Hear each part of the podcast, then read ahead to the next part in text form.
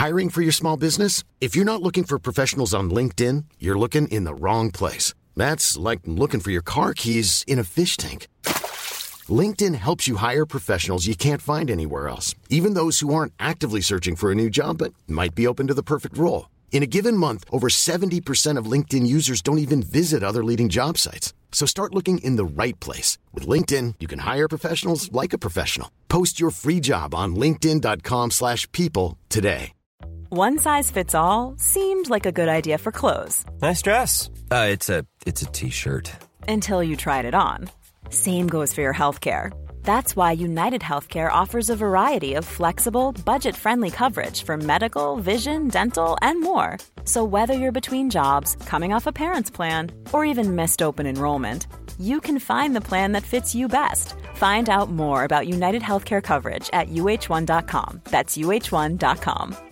Hey, I'm Ryan Reynolds. At Mint Mobile, we like to do the opposite of what Big Wireless does. They charge you a lot we charge you a little. So naturally, when they announced they'd be raising their prices due to inflation, we decided to deflate our prices due to not hating you. That's right. We're cutting the price of Mint Unlimited from $30 a month to just $15 a month. Give it a try at mintmobile.com slash switch. $45 upfront for three months plus taxes and fees. Promo for new customers for limited time. Unlimited more than 40 gigabytes per month. Slows. Full terms at mintmobile.com.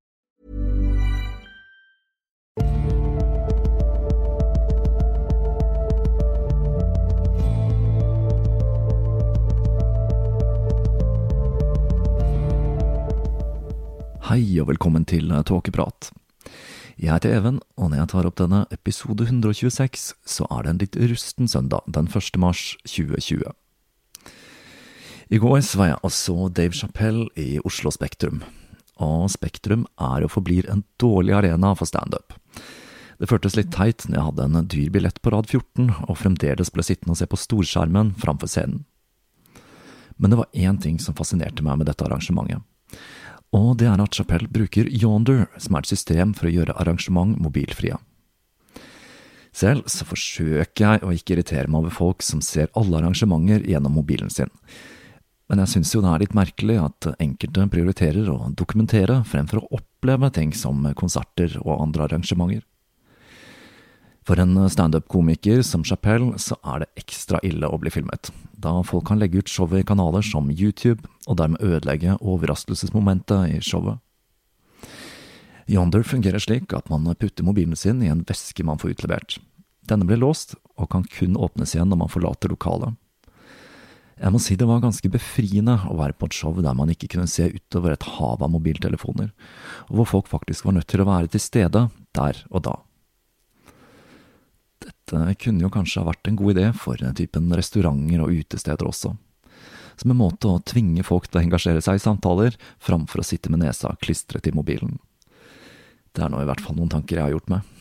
Kanskje frivillig tvang er veien å gå for å finne tilbake til verden utenfor et digitalt rom.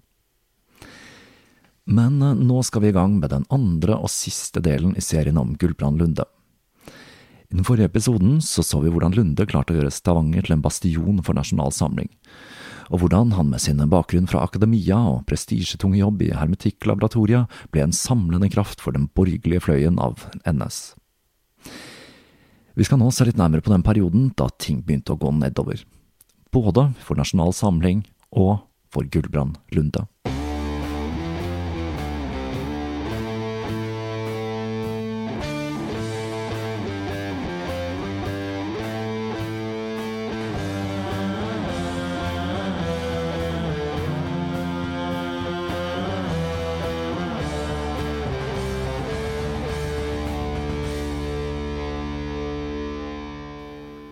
Siden dannelsen hadde Nasjonal Samling hatt en heidundrende vekst i Stavanger. Høsten 1934 ble Gulbrand Lunde med bystyret, og han så på det som sin fremste oppgave å demme opp for marxismen i byen. Men det skulle raskt oppstå gnisninger innad i partiet. Ved ordførervalget i 35 så fremmet NS sin egen kandidat, Halvor Næss. Lunde ønsket nemlig å føre en ren egen NS-linje mens en del krefter i partiet ville at de skulle være et mer standard borgerlig parti, som gjerne kunne samarbeide med Høyre. Under ordførervalget så stemte to av NS sine egne medlemmer på Høyres kandidat framfor NS sin, og det var et nederlag for Lunde og hans visjon om et parti som skilte seg markant fra de øvrige borgerlige partiene. Med sitt arbeid i kommunalpolitikken ville Lunde vise at NS representerte noe annet enn et standard borgerlig parti. For å gjøre dette, så gjorde han noe så rart som at han forsvarte en representant fra kommunistpartiet, som ble kastet ut av bystyret da det viste seg at han hadde mottatt fattigunderstøttelse, dvs. Si en form for sosialhjelp. Og dette gjorde han da inhabil av en omstridt lov fra 1932. Likeledes så gikk han i bresjen for å dele ut gratis tannbørster til fattige, og han sa også at det var viktig at politikerne selv tok ansvar og sparte i trange tider. Lunde ville med dette vise at det ikke bare var marxistene som brydde seg om de vanskeligstilte. 1935 skulle også være året da det ble diskutert om det såkalte jødespørsmålet skulle være en del av partiprogrammet, noe det ikke hadde vært fram til da. Dette var et spørsmål som førte til mye splittelse. Lunde tilhørte den kristne delen av partiet, og var derfor svært skeptisk til å angrepe jødene, noe den nasjonalsosialistiske delen av partiet likte svært dårlig.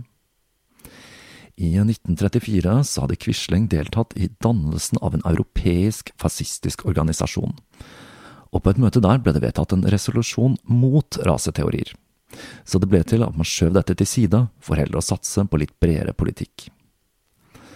Men når oppslutningen om partiet begynte å avta i 1935, så ble også retorikken langt skarpere, og Quisling ble langt krassere i sin kritikk av jødene og han begynte å bre om seg med konspirasjonsteorier. Og det er nå vi beveger oss inn i dette jødeprefikslandskapet som jeg snakket om i forrige episode. Er det noe vi har lært av historien, så må det vel være at når ting går dårlig, så får ofte jødene skylda. De som ikke ønsket at jødespørsmålet skulle være en del av politikken til NS, tok kontakt med Lunde hvor de håpet å få støtte. Og han skulle fortsette å motsette seg antisemittisme som en del av den offentlige politikken til partiet. Men om dette var fordi Lunde selv var imot den typen tankegods, det er vel mer usikkert. Men han ønsket en massemobilisering av partiet, og han skjønte at dette ble skremme vekk de kristne velgerne. Men det begynte å skje i 1936. Men til tross for eh, frafall av velgere valgåret 36, samt interne stridigheter og noen anmeldelser av den politiske opposisjonen for ærekrenkelser og plagiat, så var det også en del optimisme å spore da nasjonalister og fascister gjorde svært godt i andre deler av Europa. Kunne det samme tenkes å skje i landet langt mot nord? Men til Lundes ekstreme skuffelse så ble resultatet ved stortingsvalget i oktober 1936 svært nedslående, og håpet om en plass på Stortinget rant ut med kun 1,8% av stemmene. I mai 1937 var splittelsen i partiet åpenbar da en maktkonflikt mellom Quisling og Johan B. Hjort, som var nestleder i partiet, hadde nådd toppunktet. Hjort og Quisling de arrangerte hvert sitt styremøte et kvartal unna hverandre. Hjort hadde nemlig kritisert Quisling sin lederstil, og siden NS var et førerstyrt parti, så falt ikke dette i god jord. Det pleier sjelden å gå godt når all politisk makt i et parti er prisgitt én person. Lunde valgte å ikke delta på noen av disse møtene, mest sannsynlig fordi han ikke ville velge side. Han dro til Oslo for å forsøke å megle mellom partene, men uten hell, og sommeren 1937 forlot de fleste intellektuelle partiet, som nå virkelig var i ferd med å miste fotfestet. Lunde valgte å fortsette i NS og stå ved Quisling sin side, men partiet var ferdig. Den 25. august stengte partikontorene i Stavanger, og de ansatte ble sagt opp. Organisasjonen lå nede med brukken rygg, men det var fremdeles en liten, hard kjerne som holdt koken. For å forsøke å få NS-folk inn i bystyret i Stavanger i 1937, fikk Lunde flere medlemmer til å stille på et annet partis liste, Det glade politiske folkeparti. Og via dette protestpartiet, der 13 av 68 kandidater var NS-folk, fikk NS inn fire varaplasser i bystyret. Partiet måtte reorganiseres og i 1938 begynte det å stramme seg til med møteaktivitet i Rogaland igjen. Partiet gikk litt stillere i dørene, mens de lette etter gode politiske saker å fronte. Jødespørsmålet var en slik sak, og også samnorsk. Lunde var nemlig svært aktiv i den norske språkdebatten. Han ville at partiet skulle ha en ledende rolle i å innføre såkalt samnorsk, som var en slags sammenslåing av bokmål og nynorsk. Eh, Lunde kritiserte den nye upopulære rettskrivningsreformen av 1938 for å vinne popularitet. Dette var en reform som spesielt plaget bokmålsfolket, da den innførte en del former som minnet om nynorsk, med for eksempel a-endelser. Dette engasjementet for språksaken var et han skulle plukke opp tråden til senere.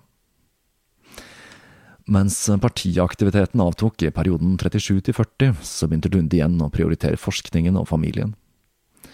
Innen forskningen var det spesielt vitaminer og tang som næringsmiddel som opptok han. Han skulle også holde en rekke foredrag i denne perioden, og det virker ikke som om hans engasjement i NS hadde hatt noen påvirkning på hans anseelse i forskermiljøene. I det store og det hele, Lunde gikk tilbake til værelsen mer eller mindre slik den hadde vært før hans engasjement i NS, men store ting var i gjære. Kvelden den 9. april lyttet Gulbrand og Marie spent på radioen. De visste at dramatiske ting var i ferd med å skje. Når Quisling erklærte at det var dannet en ny regjering, og at Lunde hadde fått en post som sosialminister, så ble han fryktelig usikker. Riktignok så hadde han ambisjoner, men han var også klar over at dette dreide seg om en kuppregjering, og Marie frarådet ham på det sterkeste til å takke ja. Neste dag skrev Lunde et telegram til Quisling. Til Vidkun Quisling kan ikke uten kjennskap til de foreliggende omstendigheter og forhold motta noen utnevnelse til statsråd i deres regjering. Gulbrand Lunde. Og Lunde var ikke alene. Til tross for at de nye ministerne ble avbildet i avisen neste dag, så var det totalt fire som takket nei. De innså muligens at det å ta del i denne kuppregjeringen kunne slå galt ut når ting var så usikre som de var. Tyskerne svarte på Quislings feilslåtte regjering med å opprette det såkalte administrasjonsrådet, men dette ble ikke legitimert av kong Haakon. En fortelling som er filmatisert i Kongens nei fra 2016, som er en forholdsvis god norsk film. Lunde bestemte seg altså for å forbli i Stavanger og fortsette med forskningen sin. Men eh, ikke for det. I løpet av sommeren skulle Lunde, som ikke hadde mistet tilliten til Quisling, utmerke seg ved å legge skylden for okkupasjonen på Nygaardsvold-regjeringen, siden de hadde bedt om hjelp fra Storbritannia. Og i løpet av sensommeren begynte han igjen å bli en svært markant figur i det politiske Norge. De politiske partiene ble forbudt, og høsten 1940 ga tyskerne opp hele denne ideen med administrasjonsrådet, for heller å opprette et kommissarisk råd styrt av Josef Terboven. Quisling, som NS-fører, ble politisk sjef, og Gulbrand Lunde ble utnevnt som kommissarisk statsråd for Kultur- og folkeopplysningsdepartementet. Han var nå igjen propagandasjef, men nå rikspropagandasjef. Og det var han som skulle være en av de mest sentrale skikkelsene i den såkalte nyordningen, hvor man forsøkte å renske ut uønskede politiske og kulturelle elementer. Innsetningen av Lunde var ikke ikke så voldsomt populær hos den tyske okkupasjonsmakten. Lunde var ultranasjonalist, og de var svært klar over at Lunde slett ikke ønsket at landet skulle være under utenlandsk kontroll. Lunde startet i sin nye rolle som minister med sitt vanlige glødende engasjement, og den første forordningen av denne nyordningen kom ut allerede den 27. september 1940. Lunde gikk inn for den største økningen i bevilgning til kunst og kultur noensinne men selvsagt var dette innenfor svært strenge rammer. Han skulle også innsette en riksfullmektig som delte ut kunstnerstipender, og som sørget for at all såkalt skadelig litteratur ble fjernet fra bibliotek og bokhandler, noe som selvsagt inkluderte marxistisk og blasfemisk litteratur. Lunde mente at kulturen var i forfall, og enkelte forlag ble lagt helt ned. Men ikke Gyldendal, for de hadde blant annet Knut Hamsun som medeier og det var kanskje derfor Hamsun redigerte vekk de såkalte blasfemiske delene av Sult i senere utgaver. Kanskje, jeg er ikke sikker på den, altså. Året etter så innførte Lunde en forordning der alle teater og skuespillere måtte godkjenne spesielt for å være sam samstemte med nyordningen. Det var Finn Halvorsen som sto for sensuren, han grep om dette arbeidet med en glød som førte til økt motstand fra kunst- og kulturlivet. Det kan tenkes at Lunde begynte å bli litt bekymret for de ytterliggående kreftene han hadde under seg. For eksempel så var det lov å spille swing i radioen under Lundes ledelse. Men dette førte til klager fra de lytterne som fremdeles hadde radio, som ville få slutt på dilettantiske klimperspill. Det var vel bare Wagner og tysk korpsmusikk som gikk hjem blant den gjengen der, tenker jeg. Lunde skulle også sette foten ned, da det ble fremmet et forslag om å forby oppføring av verkene til jødiske komponister. Han forsto at dette rett og slett ville forringe kulturlivet for mye. Og så, og så var det Ernst Glaser. Glaser var fiolinist og jøde, og i februar 1941 så dukket en gruppe hirdfolk opp for å demonstrere mot jøden Moses Salomon, altså Ernst Glaser, da han skulle spille på fiolinen til selveste Ole Bull. Denne demonstrasjonen endte med slagsmål, og Glaser måtte smugles ut av lokalet. Etter noen få dager så fikk Lunde en ordre direkte fra Terboven om at Glaser måtte fjernes fra orkesteret, men dette motsatte Lunde seg, og Glaser fikk bli fram til eh, september 1942, da han ble advart mot jødeforfølgelsene i Norge. Her er det litt uklart hva som egentlig skjedde men det blir sagt at Lunde møtte Glaser og fortalte at han hadde hørt rykter om at noe forferdelig var i ferd med å skje med jødene. Og han sa at selv om han ønsket at Glaser skulle forbli i landet, så var han nødt til å dra. Lundre forsikret Glaser om at han ikke ville ha noe problem med å finne seg jobb i Sverige, og at han kunne garantere for familien hans sikkerhet i mellomtiden. Du er velkommen tilbake når vi igjen er herre i eget hus, skulle han ha sagt. Glaser flyktet fra Norge den 26. oktober, like før Gudbrand Lunde omkom på mystisk vis.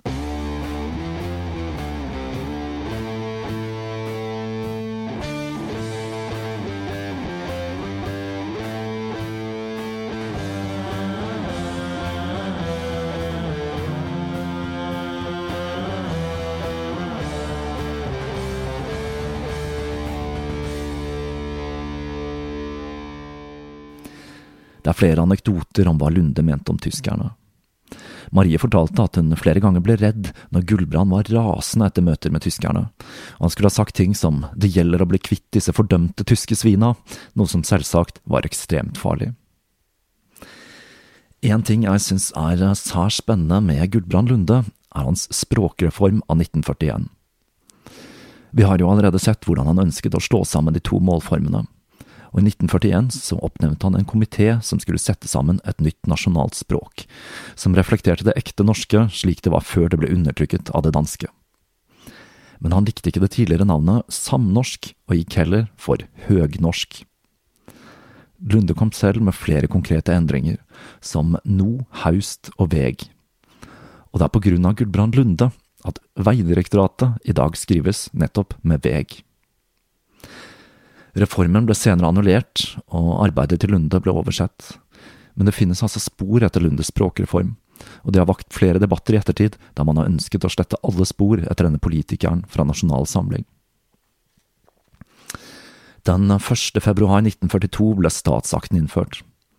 Dette skulle være en overgang fra kommissarisk statsråd til en nasjonal regjering under Vidkun Quisling. NS hadde store forventninger til at dette markerte starten på en tilbakeføring av norsk selvstendighet men slik ble det selvsagt ikke. Etter seremonien sto Lunde sammen med Quisling og de andre ministerne på balkongen til Grand Hotell, hvor de betraktet et fakkeltog som markerte denne store hendelsen i en kald og snørik februarkveld. Men veien fra optimisme til fortvilelse var ikke lang, til tross for fakkeltog og lovord. Som en minister i den nye nasjonale regjeringen så flyttet Gullbrand, Maria og barna til Oslo, til Thomas Heftiges gate 21, som i dag huser Østerrikets ambassade. Men ikke lenge etter så begynte Den norske kirke høylytt å protestere mot nyordningen. How would you like to look five years younger? In a clinical study, people that had volume added with Juvederm Voluma XC in the cheeks perceived themselves as looking five years younger at six months after treatment. Look younger, feel like you. Add volume for lift and contour in the cheeks with Juvederm Voluma XC. Reverse signs of aging by adding volume to smooth laugh lines with Juvederm Volure XC. For important safety information and to find a licensed specialist, visit juvederm.com. That's J U V E D E R M.com. Not for people with severe allergic reactions, allergies to lidocaine, or the proteins used in Juvederm. Common side effects include injection site redness, swelling, pain, tenderness, firmness, lumps, bumps, bruising, discoloration, or itching. There's a risk of unintentional injection into a blood vessel, which can cause vision abnormalities, blindness, stroke, temporary scabs, or scarring. Talk to a licensed specialist to find out if it's right for you. Ryan Reynolds here from Mint Mobile. With the price of just about everything going up during inflation, we thought we'd bring our prices down. So to help us, we brought in a reverse auctioneer, which is apparently a thing. Mint Mobile unlimited premium wireless. Ready to get 30, 30, bit to get 30, bit to get 20, 20, 20, bit to get 20, 20, bit to get 15, 15, 15, 15 just 15 bucks a month. So, Give it a try at mintmobile.com slash switch. $45 upfront for three months plus taxes and fees. Promo rate for new customers for limited time. Unlimited more than 40 gigabytes per month. Slows. Full terms at mintmobile.com. Vi vet så var nettopp kristelighet en svært viktig ting for Gulbrand. Like etter statsakten så la sju av landets biskoper ned sine statlige embeter, og biskop Eivind Berggrav skrev en erklæring som førte til at hele 93% av prestene gikk fra sine statlige embeter. Det hele ble ekstra ille når, Lagerta Hansten, Maries søster, og hennes mann Christian meldte seg ut av Nasjonal Samling den 23. mars 1942. For Christian, han var nemlig en ordinert prest. Han fortalte NS kretsføreren i Arendal at han meldte seg ut fordi tvangsmetodene som ble tatt i bruk for å gjennomføre denne nyordningen, var i strid med hans egen moralske overbevisning. Dette ble litt mye for den stakkars andalitten, som holdt igjen utmeldelsen en stund da han visste at denne ble stille Gulbrand Lunde i et svært dårlig lys. Gulbrand fikk selvsagt greie på denne utmeldelsen til slutt, og han sendte et langt håndskrevet brev til Christiana Lagerta Hansten den 31. mai 1942. Lunde skrev at det var ikke NS som sto bak metodene som ble brukt, men at det var motstanderen, og at landet var hærtatt, besatt og en krigssone, noe som sier en hel del om Lundes syn på okkupasjonen. Han foreslo at de begge skulle trekke utmeldelsene tilbake, eventuelt så kunne Christian endre begrunnelsen sin til at en prest ikke kunne være med i NS av erklæringen fra biskopen, og bare Lagerta trengte å trekke sin utmeldelse. For å understreke alvoret, så skrev Lunde at dette var det lengste håndskrevne brevet han noensinne hadde skrevet. I dag ville vel et slikt håndskrevet brev gjort enda større inntrykk, tenker jeg. Jeg kan faktisk ikke huske sist jeg satt meg ned og skrev et fysisk brev. Men det skulle ikke stoppe utmeldelsen til de to. I juli så skrev han igjen et fortvilet brev, der han forklarte at nyordningen var en revolusjon, en revolusjon fra høyresiden som var nødvendig for å stoppe en revolusjon lik den de hadde hatt i Russland. Lunde mente rett og slett at han var del av en forebyggende revolusjon. Men til tross for utmeldelsen til de to, så fortsatte Lunde på sine foredragsturneer. Han dro blant annet til Sogn, Gudbrandsdalen og et Nord-Norge som var sterkt preget av krigen. I august så skjedde en litt merkelig ting. Lunde søkte Quisling om å få lov til å bli en frontkjemper, for å slåss mot bolsjevismen med egne hender, men han fikk avslag. Noe var i gjære, men hva? Den 8. oktober 1942 skrev Christian Hansten et notat der det sto at Lundes barn var i en umiddelbar fare for å miste sine foreldre.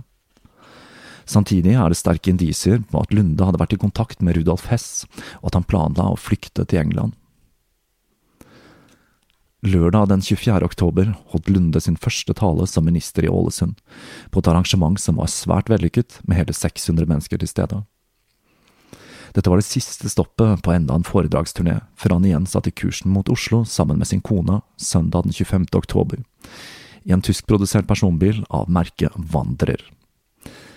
En lytter la ut et bilde av hva jeg tror må være nettopp den bilen på Facebook-siden til Tåkeprat, for de av dere som er interessert i det. Bildet ligger som en kommentar under illustrasjonen til del én i denne serien.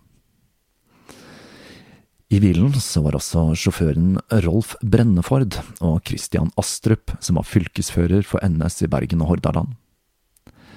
Den første delen av turen, som begynte ca. klokka 20.30, skulle ta dem til Molde, hvor de skulle overnatte til dagen etter. Bilen snirklet seg fram på den smale grusveien i måneskinnet. Lite ble sagt i bilen. Det var en skillevegg mellom fram- og baksetene, og Gulbrand var utslett etter en lang foredragsturné. Kanskje de tenkte på slaget om Stalingrad der de satt, og hvordan dette kunne påvirke utfallet av hele krigen. For å komme seg til Molde måtte de krysse fjorden med den lille ferja MF Våge Nordvik. Denne ferja var underlagt den tyske overkommandoen og kunne bare brukes dersom den ble rekvirert. Mannskapet besto av skipper Gunder Krogseth og maskinist Anders Frilund. I tillegg var det alltid to tyske vakter med. Disse var stasjonert på Nordvik for å kunne ta kontroll over ferja. Dette var ei lita, lurvete ferje som hadde blitt bygget i 1930 og bar preg av dårlig vedlikehold. Ferja ble rekvirert med en beskjed om å være på kaia i Våge klokka 22.00. I tillegg til mannskapet så var det tre fastboende fra Eidsbygda med. Alle oppga at de ikke hadde noen spesielt hensikt med denne turen. Så enten var det stas med en søndagstur på fjorden, eller så var det stas med en mulighet til å se selveste Gulbrand Lunde. Hvem vet. Båten la til kai klokka 22.00, og de tyske vaktene gikk i land for å fortøye. Akterenden lå mot land, og motoren ble stanset for å spare på drivstoff i påvente av ministeren. Lysene fra bilen skar gjennom høstmørket der den tok seg ned mot ferjeleia, og en av de tyske vaktene stilte seg foran ferjelemmen for å stoppe bilen, men bilen stoppet ikke, og han måtte hoppe til side for ikke å bli påkjørt. Bilen med ministeren stoppet med framhjula to meter inn på lemmen, mens bakhjula sto på kaia. Sjåføren satte bilen i fjerdegir og stoppet motoren uten å dra til håndbrekket. Like etter så forsøkte han å starte bilen igjen, men bilen som hadde et kjent problem med startmotoren, ville ikke starte, og sjåføren gikk ut av bilen for å ta seg en røyk, mens passasjerene ble sittende igjen i påvente av ombordkjøring. Like etter sjåfør Brenneford hadde tent sin sigarett på kaia, så startet dramaet. Plutselig startet motoren på ferja, og båten skjøt fart, bort fra kaia og ferjelemmen. Så gikk alt galt.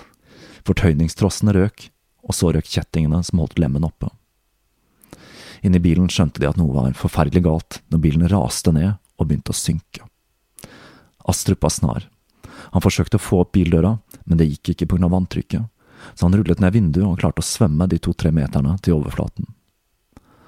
Like etter han kom seg opp, så kastet han seg ut igjen, og dykket ned for å forsøke å redde ut de to andre i bilen, men han klarte ikke å åpne dørene eller sparke inn vinduet.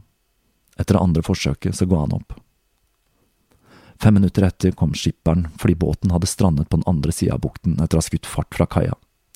Han hoppet også i sjøen, og han dykket, men med samme resultat. En av tyskerne forsøkte også, men han nektet å dykke da han syntes vannet var for kaldt. Skipper Krogseth kommanderte sjåføren til å dykke, men han bare ristet på hodet og klatret opp på et naust, der han fant fram pistolen for å skyte seg selv. Astrup klarte å rive fra han pistolen i siste liten. De forsøkte å heve bilen med løfteanordningen på lemmen, men den hadde gått i stykker under ulykken og det fulgte flere forsøk, blant annet ved å dra den opp ved hjelp av hester, men dette lyktes heller ikke. Bilen ble liggende der i åtte og en halv time før det tyske marinefartøyet Moritz og en bergningsbil fra Ålesund fikk dratt den på land. Likene til Gullbrand og Maria ble hentet ut, sammen med kofferter som blant annet inneholdt leker til Gullbrand junior og Inga Maria. De to ble lagt på dekket i den gamle ferja og fraktet til Våge, hvor en bonde ble beordret fra åkeren for å kjøre de avdøde til Åndalsnes. På en lite respektfull måte ble likene kastet på lasteplanet, og den perplekse bonden fikk en kommentar fra en av de tyske soldatene. Nå må dere skaffe dere en ny minister. Etterforskningen av ulykken ble igangsatt med en gang. Det var to scenarioer som gjaldt. Enten var det en ulykke, eller så var det en sabotasje gjennomført av motstandsfolk. Rapporten som kom ut fra etterforskningen skulle være svært omfattende, og inneholdt flere hundre sider med vitneavhør, tekniske undersøkelser, bilder og medisinske rapporter. Det hele ble kokt ned til 14 forskjellige tekniske og menneskelige faktorer som sviktet. De viktigste årsakene til ulykken ble funnet å være Sjåføren stoppet ikke for den tyske vakten på ferjelemmen, og bilen stoppet inne på lemmen. De tyske vaktene godtok at bilen sto slik, og at passasjerene ble værende mens sjåføren forlot bilen. Startmotoren til bilen sviktet, og sjåføren satte bilen i fjerde gir uten brekket på. Ferjemotoren startet feil vei, og propellen var innkoblet. På grunn av feil i propellviseren til ferja viste denne at den sto i nøytral, men den var egentlig i posisjon fremover. Heisanordningen til påkjøringslemmen gikk i stykker, og fortøyningstauene røyk, selv om disse skulle være i stand til å holde ferja til kai, selv med motoren koblet inn på full hastighet. Og ikke minst, ingen klarte å redde de to passasjerene ved å knuse vinduet, til tross for at støtfangeren stakk opp av vannet. Det var ikke så skrekkelig dypt der ved kaia. Hele etterforskningen bar preg av at det å komme fram til en konklusjon om at dette var en ulykke, ville være mest fordelaktig for alle parter. Ingen motstandsfolk hadde stått frem for å ta æren for ulykken, og det ville være mest praktisk for tyskerne å slippe med bryderi med det hele. Konklusjonen i 1943 var at dette dreide seg om en ulykke. Men ærlig talt, her var det ganske mye som gikk galt på en gang. Motstandsfolkene ville neppe ha mye å tjene på Tariva Lunde. Han var riktignok ikke akkurat populær med sin fremtredende stilling som propagandasjef, men det var også kjent at Lunde var en ihuga nasjonalist, og aller helst skulle ønske å få tyskerne ut av Norge, og at nasjonen igjen skulle bli selvstendig. Det kunne jo selvsagt ha vært NS selv som sto bak, men da måtte Christian Astrup, passasjeren som reddet seg ut, ha vært involvert. Men han var en svært nær venn av Lunde, og de to sto tett sammen politisk, blant annet i sitt syn på tyskerne. Så det var derfor lite sannsynlig at han ville ha bidratt til et attentat mot Lunde. Astrup fikk faktisk strafferabatt etter krigen av sin antityske holdning. Så om noe, så er det mulig at det var tenkt at han også skulle ta seg dage sammen med Lunde og hans kone. Her hører det med til historien at det var Christian Astrup som innførte barnetrygden i Norge. Og det er et av disse vedtakene iverksatt under okkupasjonen som fremdeles er i effekt den dag i dag. Noe jeg må si jeg syns er litt artig. Og disse små tingene som ble innført under okkupasjonen, og som har overlevd frem til i dag, som for eksempel forgjengeren til Norsk Tipping, Det Norske Tippeselskap, er noe av det som jeg syns det er herlig å oppdage når jeg ser på disse gamle filmavisene. Vel, selv om jeg aldri får vite noe sikkert, så virker det ganske sannsynlig at Lunde og kona ble likvidert av tyskerne. Det var kun de to tyske vaktene og sjåføren som trengte å være involvert for å få til det scenarioet. De tyske soldatene hadde full adgang til ferja og motorrommet, og de visste at det var en feil med propellviseren, slik at den viste at den sto i nøytral når den egentlig sto framover.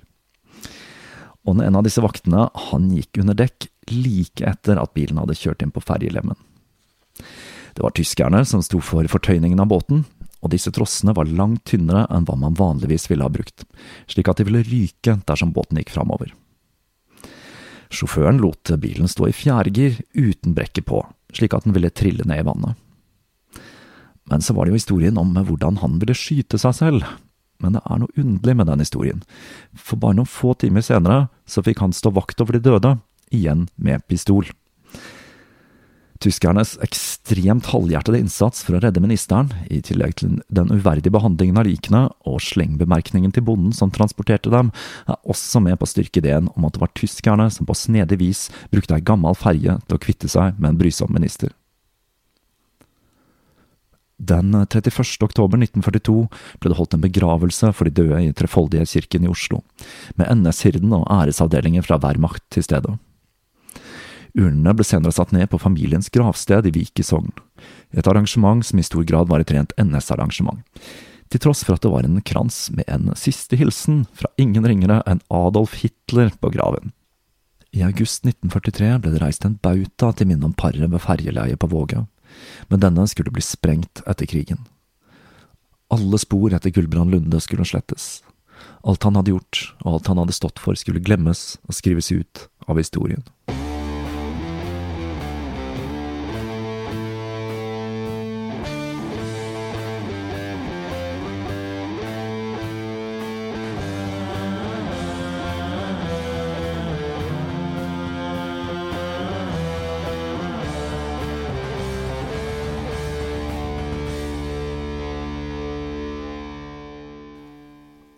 Det var historien om ministerdoktor Lunde.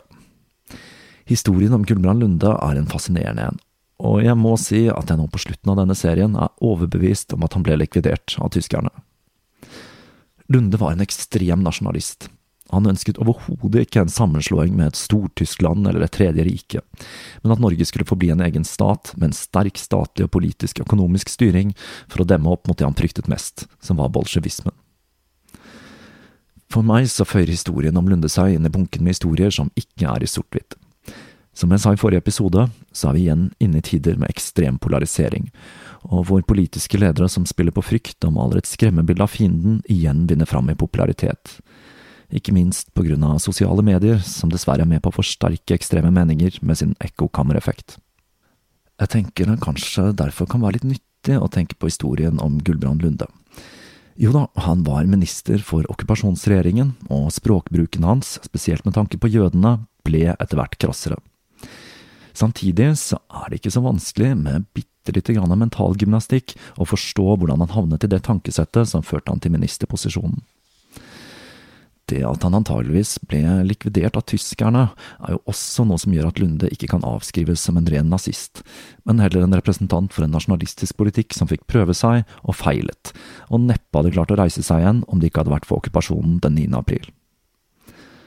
Lundes resonnement var basert på faktiske opplevelser, fra hans tid som industriarbeider, hvor han så den sterke og kommunistiske bevegelsen, og hvor han samtidig fikk høre om hvordan tsarfamilien var blitt drept på særs brutalt vis, til hans møte med markedskapitalismen og det påfølgende børskrakket som kullkastet økonomien i Vesten. I dag så er det ikke lenger nødvendig å dra langt av sted eller fysisk oppsøke de politiske ytterfløyene for å finne grupper som opererer med tankegods langt ute i periferien. Og nettopp det at internett, hvor folk kan sitte illsinte og hamre ut sin frustrasjon bak et tastatur uten at det har noen store konsekvenser, gjør at språkbruken og synspunktene blir mer og mer ekstreme. For eksempel så ble jeg ikke så fryktelig overrasket når faktisk.no gikk Facebook-gruppen Folkeopprøret mot klimahysteriet etter i sømmene. Og det viste seg at administratorene der har en del ganske shady politiske tilknytninger, og har kommet med en del relativt spreke uttalelser i sosiale medier.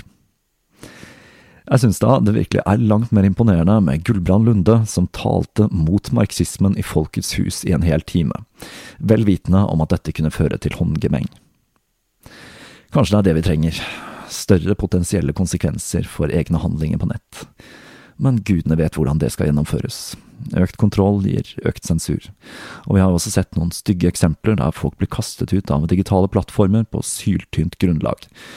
Og vi ønsker jo ikke en digitalt styrt hverdag av den typen de har i Kina akkurat heller. Kanskje det rett og slett til syvende og sist er enkeltindividet som må klare å ta ansvar for seg selv. Men nå roter jeg meg helt bort der. Dette var altså den siste delen i denne serien, og når jeg tar opp denne, så har jeg ikke helt bestemt meg for hva jeg skal ta for meg i neste episode. Som vanlig så er det ikke alternativene det står på, men heller hva jeg føler er et tema jeg har lyst til å jobbe med nå fram mot påske. Så mens jeg grunner på det, og forsøker å komme til hektene igjen etter Dave Chapell, så ønsker jeg dere alle en riktig god marsmåned. Vi høres igjen om ikke lenge.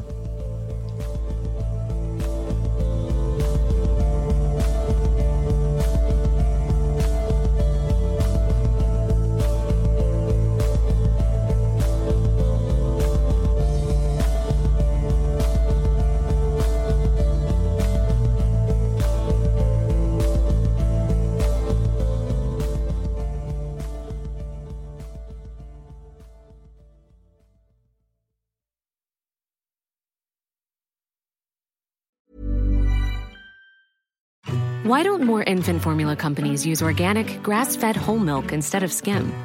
Why don't more infant formula companies use the latest breast milk science? Why don't more infant formula companies run their own clinical trials? Why don't more infant formula companies use more of the proteins found in breast milk? Why don't more infant formula companies have their own factories instead of outsourcing their manufacturing? We wondered the same thing. So we made ByHeart, a better formula for formula. Learn more at byheart.com.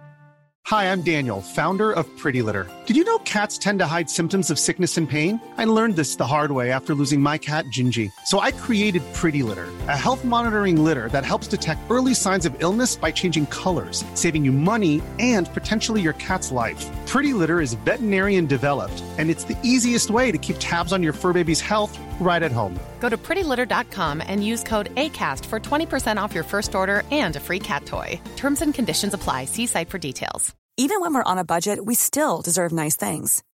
Quince is a place to scoop up stunning high end goods for 50 to 80% less than similar brands. They have buttery soft cashmere sweaters starting at $50, luxurious Italian leather bags, and so much more. Plus, Quince only works with factories that use safe, ethical, and responsible manufacturing. Get the high-end goods you'll love without the high price tag with Quince. Go to quince.com/style for free shipping and 365-day returns.